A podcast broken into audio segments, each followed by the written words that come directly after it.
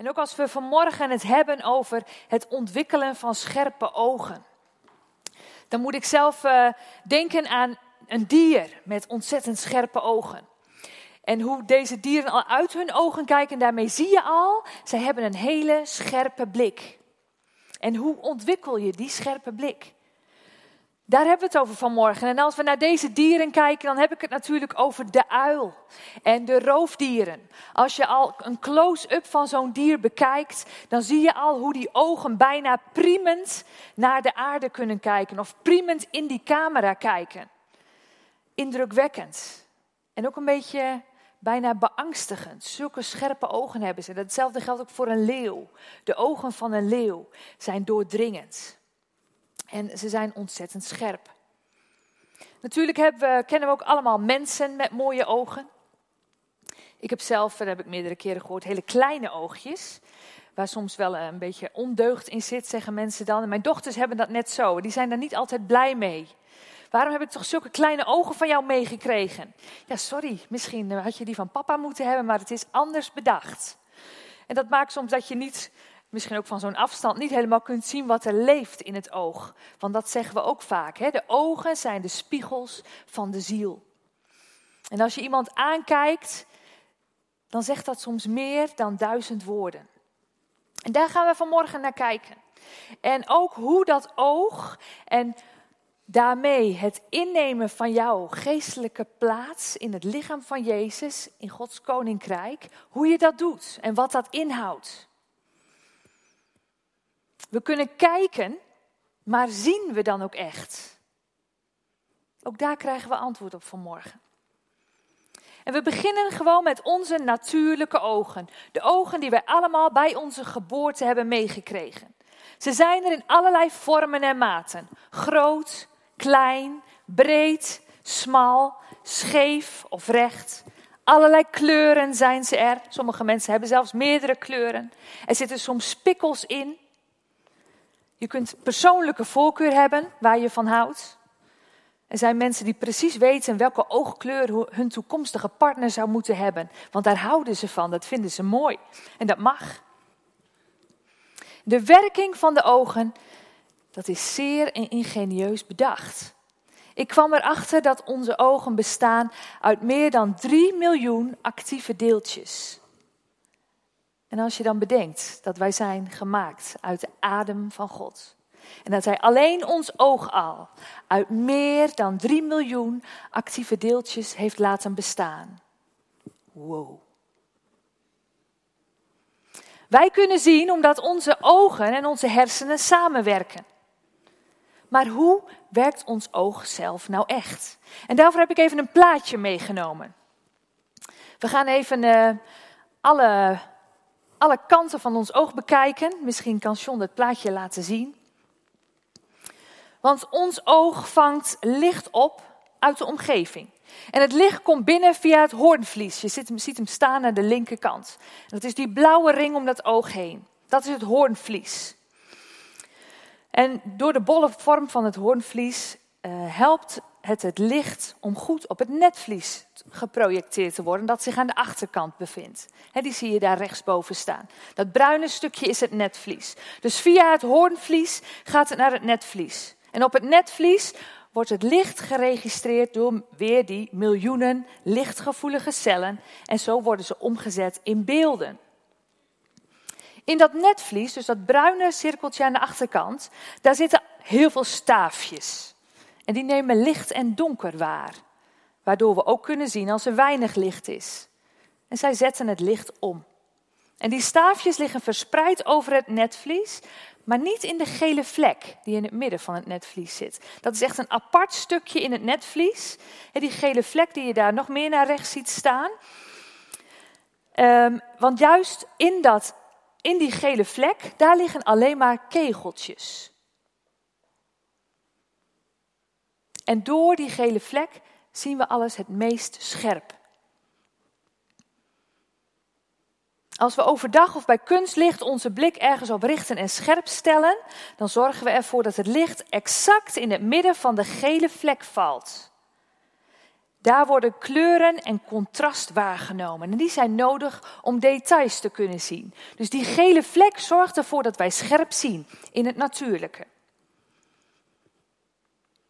Van al die beelden die op ons netvlies komen, daar zijn we ons niet van bewust. Dat gebeurt een fractie van een seconde later als het netvlies het licht heeft omgezet in miljoenen elektrische signalen. En pas in de hersenen worden die signalen omgezet in bewuste beelden. Even een heel klein stukje anatomisch inzicht hoe ons lijf, hoe ons oog werkt. En het oog is klein, maar heel krachtig. Ogen zijn de spiegels van de ziel, zei ik net al. Of we zeggen soms als blikken konden doden. Dan weet je wel hoe iemand naar je heeft gekeken. Of je zegt, ik had aan één blik genoeg. Het is dus een gevoelig lichaamsdeel. Misschien heb je ooit eens problemen gehad met je ogen. Of alleen maar als er iets heel kleins in zit, dan kun je um, er steeds in blijven wrijven. Het is zo vervelend dat je de hele tijd daarmee bezig bent en het beïnvloedt alles wat je doet. Ook naarmate je ouder wordt, kunnen je ogen minder worden. Je kunt staar op je oog krijgen en rond je 40, 50ste levensjaar heb je vaak een leesbril nodig. Dus je oog ontwikkelt langzaam door. Er gebeurt steeds meer, ook met je ogen. Ik heb zelf lenzen, maar uh, voordat ik die kreeg, rond mijn achttiende, het heeft er wel een half jaar geduurd voordat dat goed werkte. Om ze erin te zetten, om ze goed schoon te houden. Om daar een handigheidje in te ontwikkelen, zodat je weer goed ziet en je er geen last van hebt. Dat was ons natuurlijke oog. Dan hebben we ook allemaal geestelijke ogen gekregen. Of ogen van je hart. Zo kun je ze ook noemen. En ze lijken ergens op onze natuurlijke ogen. Ze zijn er in allerlei vormen en maten. Want ze passen bij ons, hoe we zijn. Ze zijn er in allerlei sterktes. Ze kunnen iets scheef staan. Ze kunnen gespikkeld zijn. Ieders geestelijke ogen kijken en zien anders. Iedereen heeft ze. En ze zijn klein, maar heel krachtig. Ze gaan over autoriteit. Deze ogen zijn ook gevoelig, net zoals onze natuurlijke ogen. Maar dan zijn ze gevoelig omdat ze bij je geest horen en omdat ze verbonden zijn met de Heilige Geest. Je staat in contact met de Heilige Geest als je ze gebruikt. In die gele vlek waar we het net over hadden, dat stukje in je netvlies waar je het meest scherp mee kijkt, daar zorgen veel kegeltjes voor die scherpte. En in je geestelijk oog doet de Heilige Geest dat. Er zijn ontzettend veel teksten die over ogen gaan. Ik heb er een aantal uitgeplukt. Eerst in 1 Korinthe 2, vers 9, daar staat: Het is zoals het geschreven staat. Wat het oog niet heeft gezien en het oor niet heeft gehoord, wat in geen mensenhart is opgekomen, dat heeft God bestemd voor wie hem lief heeft. Met deze tekst wordt bedoeld dat niemand wist hoe God het plan om de relatie tussen hem en de mens te herstellen, hoe hij dat zou doen. Dat had niemand gezien, dat had niemand gehoord. God de Vader had bedacht dat hij Jezus zou gebruiken om die relatie te herstellen. En zo mysterieus als God grote plannen toen had, heeft hij ze nu nog steeds. Ook in Johannes 14 staat dat, Johannes 14, vers 17. De wereld kan hem niet ontvangen, want ze ziet hem niet en kent hem niet. Jullie kennen hem wel, want hij woont in jullie en zal in jullie blijven. De wereld had geen oog voor Jezus, geen geloof. Er zit dus ook een verbinding tussen dat oog en het geloof. Je natuurlijke ogen kreeg je bij je geboorte. Alles zat erop en aan. Ik weet nog dat ik dat weet ik niet meer, dat heb ik gehoord van mijn ouders. Toen ik geboren werd, heb ik, geloof ik, zes tot negen dagen mijn ogen dicht gehouden. En uh, de kraamverzorgster die zei, het is net een knie. Blijkbaar hebben die de ogen ook zo lang dicht. Maar voordat ze dus open gingen, bleef het nog heel lang donker. Gelukkig herinner ik me dat zelf niet. Maar ik had ze wel en alles zat erop en aan. Al die kleine onderdelen die je net zag en al die miljoenen cellen, ze waren aanwezig. Ons geestelijke ogen kunnen groeien. Hoe meer ermee gewerkt wordt, hoe meer het groeit. Want wat je aandacht geeft, groeit.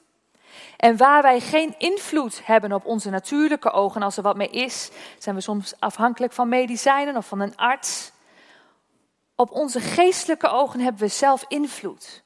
Want hoe dieper onze relatie met de Heilige Geest is, hoe groter onze geestelijke ogen worden.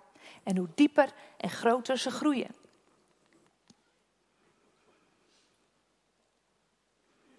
En waar we dat natuurlijke oog met zoveel woorden moesten beschrijven, zoals we net hebben gedaan, is dat met het geestelijke oog anders. Want onze geestelijke ogen staan in rechtstreeks contact met de Heilige Geest. En Hij helpt om situaties goed op ons netvlies te projecteren. En Hij doet dat op verschillende manieren, die voor iedereen uniek kunnen zijn. En Hij inspireert je daarbij. In Lucas 11, vers 34 lezen we: Het oog is de lamp van het lichaam. Als je oog helder is, is je hele lichaam verlicht. Maar als het troebel is, verkeert je lichaam in duisternis. Let dus op of het licht dat in je is niet verduisterd is. Let dus op of het licht, dat zei ik net ook al, dat in je is niet verduisterd is. Als je hele lichaam verlicht is, zonder dat ook maar een deel in duisternis verkeert, dan is het licht, dan is het zo licht als wanneer een lamp je met zijn stralen verlicht. En het gaat hierbij om je hart, wanneer je op Jezus focust. Het licht wat in je hart woont, Jezus, als dat helder is, dan is het zo licht als een lamp die je met zijn stralen verlicht. Hier wordt dus eigenlijk gezegd dat het beeld van God het fundament is onder je leven met de Heilige Geest. De Heilige Geest maakt de Vader bekend. En als je dat geestelijke oog wilt laten groeien, ga je van kijken naar zien. En de relatie tussen God en jou is daarbij fundamenteel. Want jouw beeld van God is het fundament onder je leven met de Heilige Geest. Ik hoop dat jullie me begrijpen. Met onze ogen kijken we. En vanuit die blik, dus als we kijken, komt er een gedachte binnen. Daarna interpreteren we het op een bepaalde manier en dan een actie. Dus we kijken, we zien iets. Het komt bij ons binnen, we krijgen een beeld. We maken er een verhaal van en vanuit dat verhaal ondernemen we actie. Bijvoorbeeld, als je voor het stoplicht staat. En het stoplicht, net als jij vlakbij bent, gaat hij op oranje. Je kijkt ernaar en je denkt, hé, hey, dat stoplicht wordt oranje. Wat gebeurt er bij je? Het betekent dat het bijna rood wordt. Hoe interpreteer je het? Ik heb geleerd dat ik moet stoppen als het oranje is en je trapt op de rem. Dat is één manier. Je kunt ook er naartoe rijden en denken dat stoplicht staat op oranje. En je denkt, verdorie heb ik dat alweer. Waarom? Hier heb ik helemaal geen zin in. Dus je interpreteert het vanuit een eerdere ervaring. En je geeft nog gauw een straal gas en je rijdt door. Het zijn meerdere manieren waarop je kijkt, waarop je die gedachten binnen laat komen. Je interpreteert en je onderneemt actie. En zo is dat ook met onze geestelijke ogen. Het kan ervoor zorgen dat de manier waarop wij eerder interpreteren, dat die onze acties veranderen. Dus hoe wij de Heilige Geest laten spreken en hoe wij onze geestelijke ogen laten gebruiken, kan ervoor zorgen dat onze acties aan het eind veranderen. En hoe je interpreteert, dat hangt dus af van wat je hebt meegemaakt. Wat er in jouw rugzak zit, wat jij in je leven hebt beleefd, hoe je bent opgevoed, wat je weet over God, wat je weet over andere mensen, hoe je jezelf kent. En dat is ook het eerste waar we naar kijken. Want wat is jouw beeld van God? Want dat is het fundament onder je leven met de Heilige Geest. Wat is je beeld van God? Hoe kijkt Hij naar jou? En daar zijn al ontzettend veel preken over gehouden. Dus ik heb gekozen om gewoon Psalm 139 erbij te pakken. En die in een, even net een andere draai te geven, even een twist eraan te geven, zodat we hem kunnen lezen zoals God tot ons zou spreken. En dan staat er boven, Een lied van God voor ieder die het wil horen. Kind, ik ken je door en door. Ik weet alles van je, waar je ook bent. Ik weet alles wat je denkt. Ik ben dag en nacht bij je. Ik weet alles wat je doet. Ik ken ieder woord van je, nog voordat je het hebt gezegd. Ik ben aan alle kanten om je heen. Mijn hand rust op jou. Het is te wonderlijk om te begrijpen. Het is te bijzonder. Jij kunt daar niet bij. Hoe zou je kunnen vluchten voor mijn geest? Waar zou je je kunnen verbergen? Als je naar de hemel zou gaan, ik ben daar. Als je naar het dodenrijk af zou dalen, ik ben daar ook. Als je zou meevliegen met de opkomende zon of zou gaan wonen aan de andere kant van de oceaan, ook daar zou ik je leiden. Ook daar zou mijn hand jou vasthouden. Als je je in het donker zou willen verbergen, dan zie ik je nog als op klaarlichte dag. Het donker kan je niet voor mij verbergen. Voor mij is de nacht net zo licht als de dag. Ik heb je gemaakt, je in de buik van je moeder gevormd. Het is een wonder hoe ik je heb gemaakt. Alles wat ik heb gemaakt is bijzonder. Ik zag jou al toen ik je daar in het donker vormde waar nog niemand anders je zag. Ik zag je al toen je nog helemaal geen vorm had. Al je dagen stonden al in mijn boek toen je nog niet één dag daarvan had geleefd. Ik heb prachtige gedachten over jou. Ik ben God. Mijn gedachten zijn ontelbaar. Ze zijn zo ontelbaar als het zand. Dat is hoe God over jou denkt. En dat is de basis van jouw fundament om in relatie met de Heilige Geest jouw geestelijke ogen te openen, de ogen van je hart te openen. Zo kijkt God naar jou, zo kijkt God naar mij.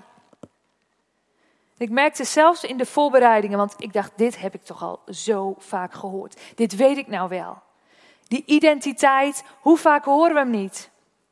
En toch was er weer iets nieuws wat, wat daarin me raakte, ook in de voorbereidingen.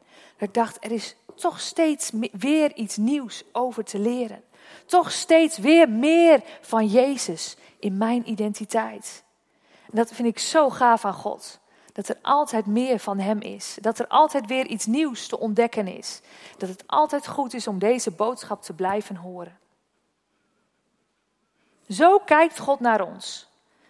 En dat mag ook de basis zijn zoals we naar onszelf kijken. Want dat is het tweede stukje. Hoe kijk ik dan naar mezelf?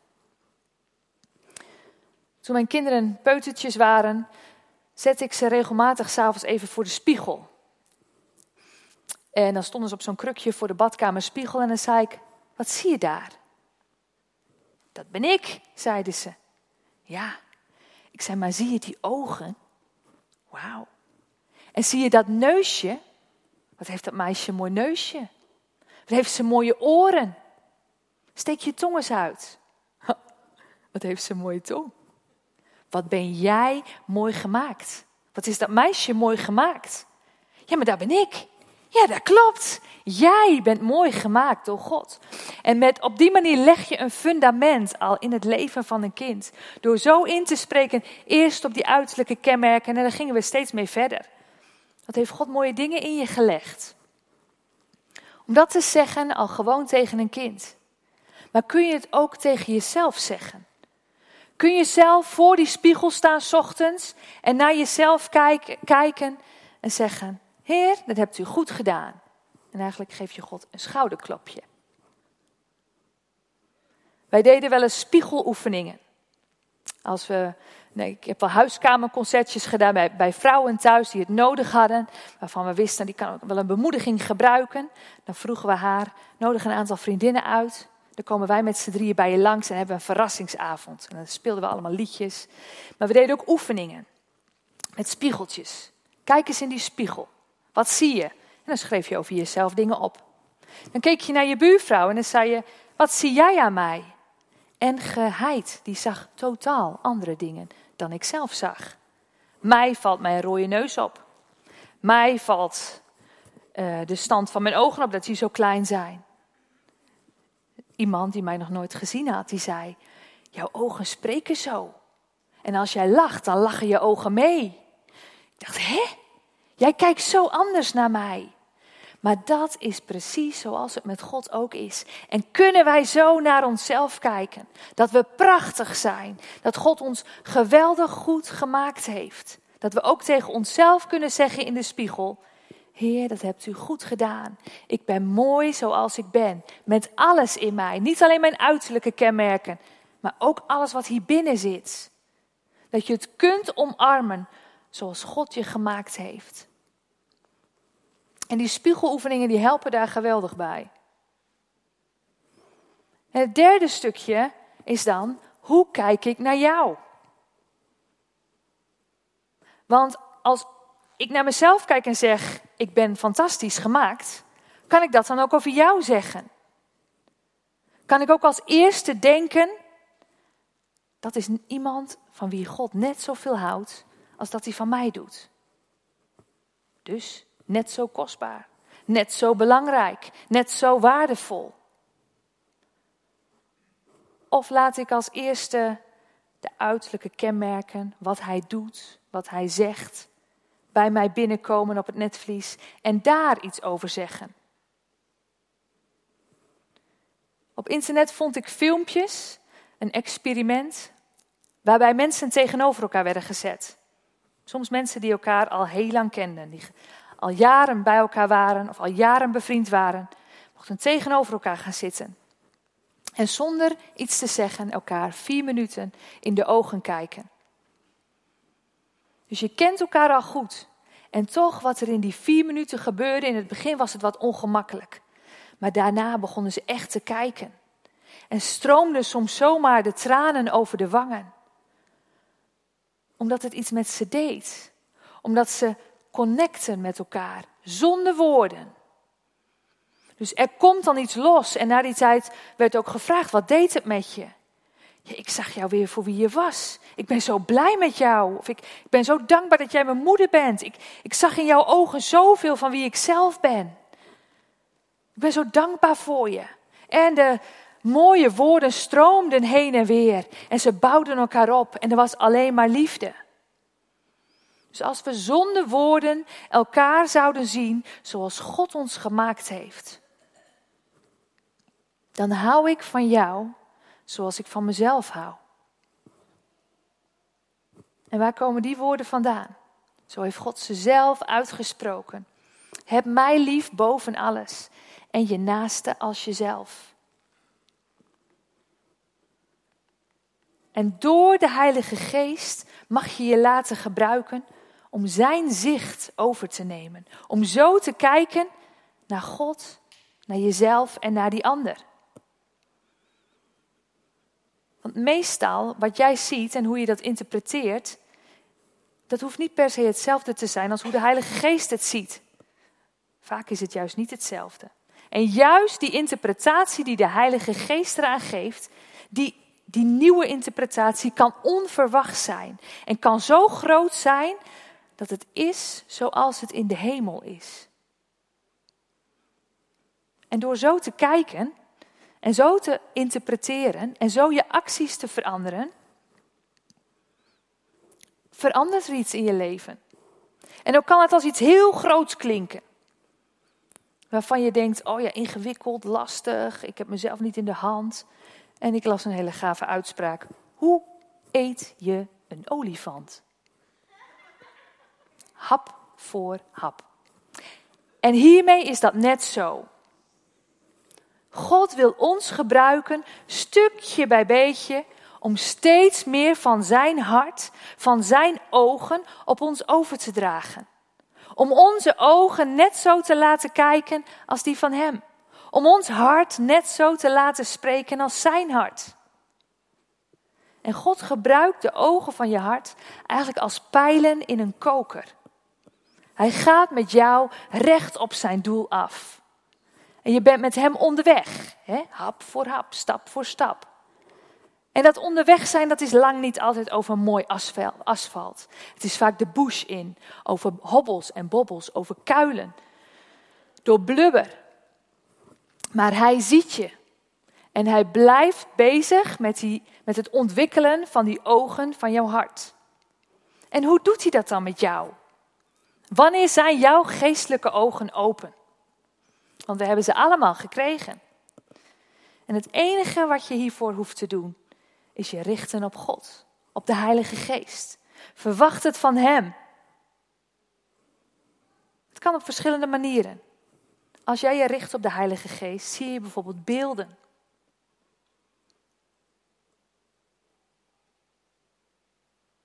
Je ziet mensen en je krijgt indrukken. Je ervaart sferen. En je kunt dan denken, nou, dit weet ik niet. Dit is zo raar, ik ga hier gauw bij weg. Maar wat als je nou even bij dat gevoel of die indruk blijft en je vraagt aan God, wat bedoelt u hiermee? Wat wilt u hiermee zeggen? Welke emotie komt er naar boven?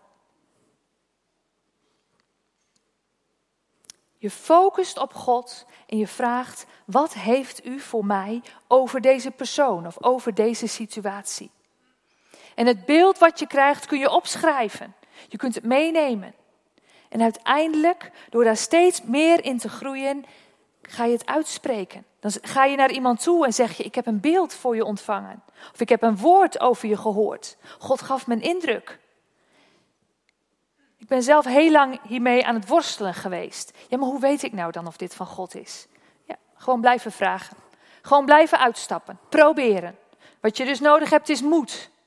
Om je geestelijke ogen, om die uit, daarmee echt aan het werk te gaan.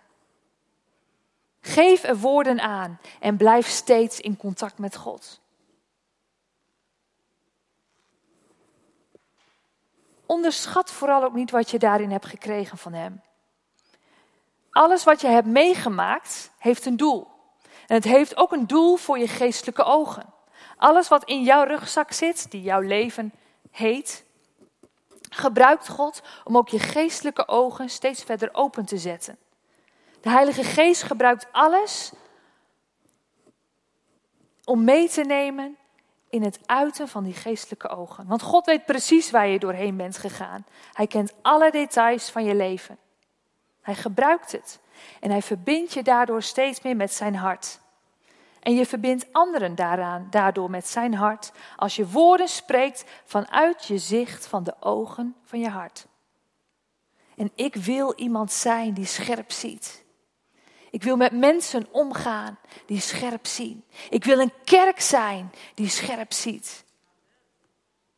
Want dan wordt Gods koninkrijk openbaar. Want zoals het in de hemel is, zo ook op deze aarde. En dat betekent een nieuw karakter voor jou. Want God ontwikkelt je karakter op die manier als je zo met Hem leeft.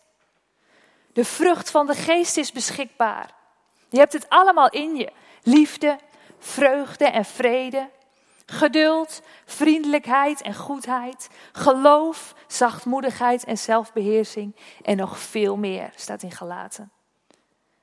Bovennatuurlijke gaven zijn voor jou beschikbaar. En wat jij aanraakt, wordt door Gods geest bewogen. Je bezit, je bezit bijzondere krachten voor anderen. Wijsheid, kennis, geloof, genezing, wonderen, onderscheid, uitleg. Dat is zijn erfenis voor jou. En alle beloften die God uitgesproken heeft, komen jou toe. Die ogen van je hart zijn dus beschikbaar. En dit is wat eruit voortkomt als je je daarop richt. Als je je focust op die Heilige Geest en zegt: Open the eyes of my heart, Lord. Do it. Want u bent heilig. U bent heilig.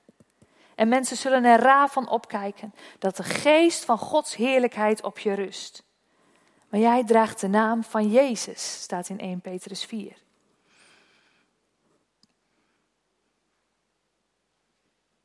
De ogen van ons lichaam zijn zichtbaar en al gemaakt uit meer dan 3 miljoen cellen.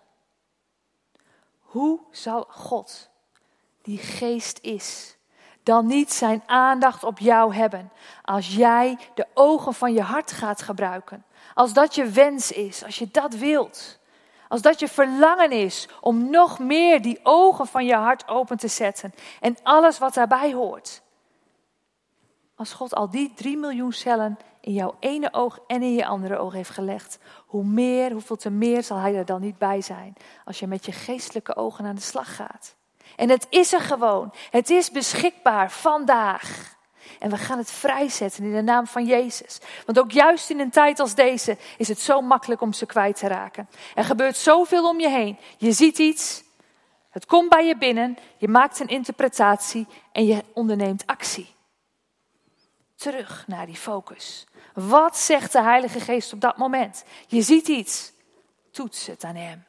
Laat het eerst bij Hem binnenkomen. Wat zegt de Heilige Geest? En pas daarna ga je interpreteren en onderneem je actie. Hij is de maatstaf voor alles. De maatstaf voor alles. Ja, Heer, en dat willen we ook op dit moment echt uitspreken. Dat we over willen gaan van kijken naar zien. We willen interpreteren vanuit U, Heilige Geest. Doet U uw werk op dit moment. We zetten een hernieuwde geest van hoop vrij. Een hernieuwde geest van geloof. Sta op in de naam van Jezus op dit moment en open je geestelijke ogen. De ogen van je hart die je hebt gekregen. De ogen van je hart die kunnen groeien door jouw contact met God. En dat contact, die relatie is hersteld 2000 jaar geleden. En dat zorgt ervoor, dat hernieuwde en herstelde contact, dat jouw voeten staan op vaste grond. Dat jouw lijf is vastgezet op die rots die Jezus heet. Dat jouw geestelijke ogen aangewakkerd worden, iedere dag opnieuw. En dat je de signalen mag leren herkennen of opnieuw mag leren herkennen. Opnieuw en opnieuw en opnieuw. En het vergt moed. En ook die moed willen we vrijzetten op dit moment. Dat we ons geloof om kunnen zetten en om durven zetten in actie. Met ogen van het hart. Heer, open de ogen van ons hart. Steeds weer. U bent de God van redding. U bent de God van waarheid. U bent de God van bevrijding. U heeft zoveel meer voor ons klaar liggen dan wij vandaag kunnen zien. Open de ogen van ons hart, Jezus. Heer, we zijn al lang geroepen. U heeft ons al lang geroepen. U heeft ons al lang vrijgezet daarvoor. We zijn klaar om te ontvangen wat u voor ons heeft. Maak ons bereid om te gaan, Heer. En om die weg te volgen die Jezus is gegaan. En dank u wel, Heilige Geest, dat u dat wilt doen. Iedere dag opnieuw. Dat we ons uit mogen strekken naar u. Onze ogen mogen focussen op uw ogen. Heer, en dat daar dan een beweging vrijkomt. Dat daar iets gaat rommelen. Dat daar iets gaat borrelen. Waar we nog geen weet van hebben. Dat daar iets gebeurt, Heer. Wat iets vrijzet in de hemelse gewesten. Heer, wat de wereld verandert. Zoals het in de hemel is, zo ook op deze aarde. U verfrist, u vernieuwt en u bekrachtigt ons, zoals we zijn. En u kijkt naar ons met ogen vol liefde. U heeft ons perfect gemaakt, omdat u kijkt door de ogen van Jezus. Zo mogen we naar onszelf kijken en naar onze naasten. En zo mogen onze acties voortkomen uit de inspiratie en interpretatie van de Heilige Geest. Open onze ogen met meer van u. In Jezus' naam alleen. Amen. Amen. Amen.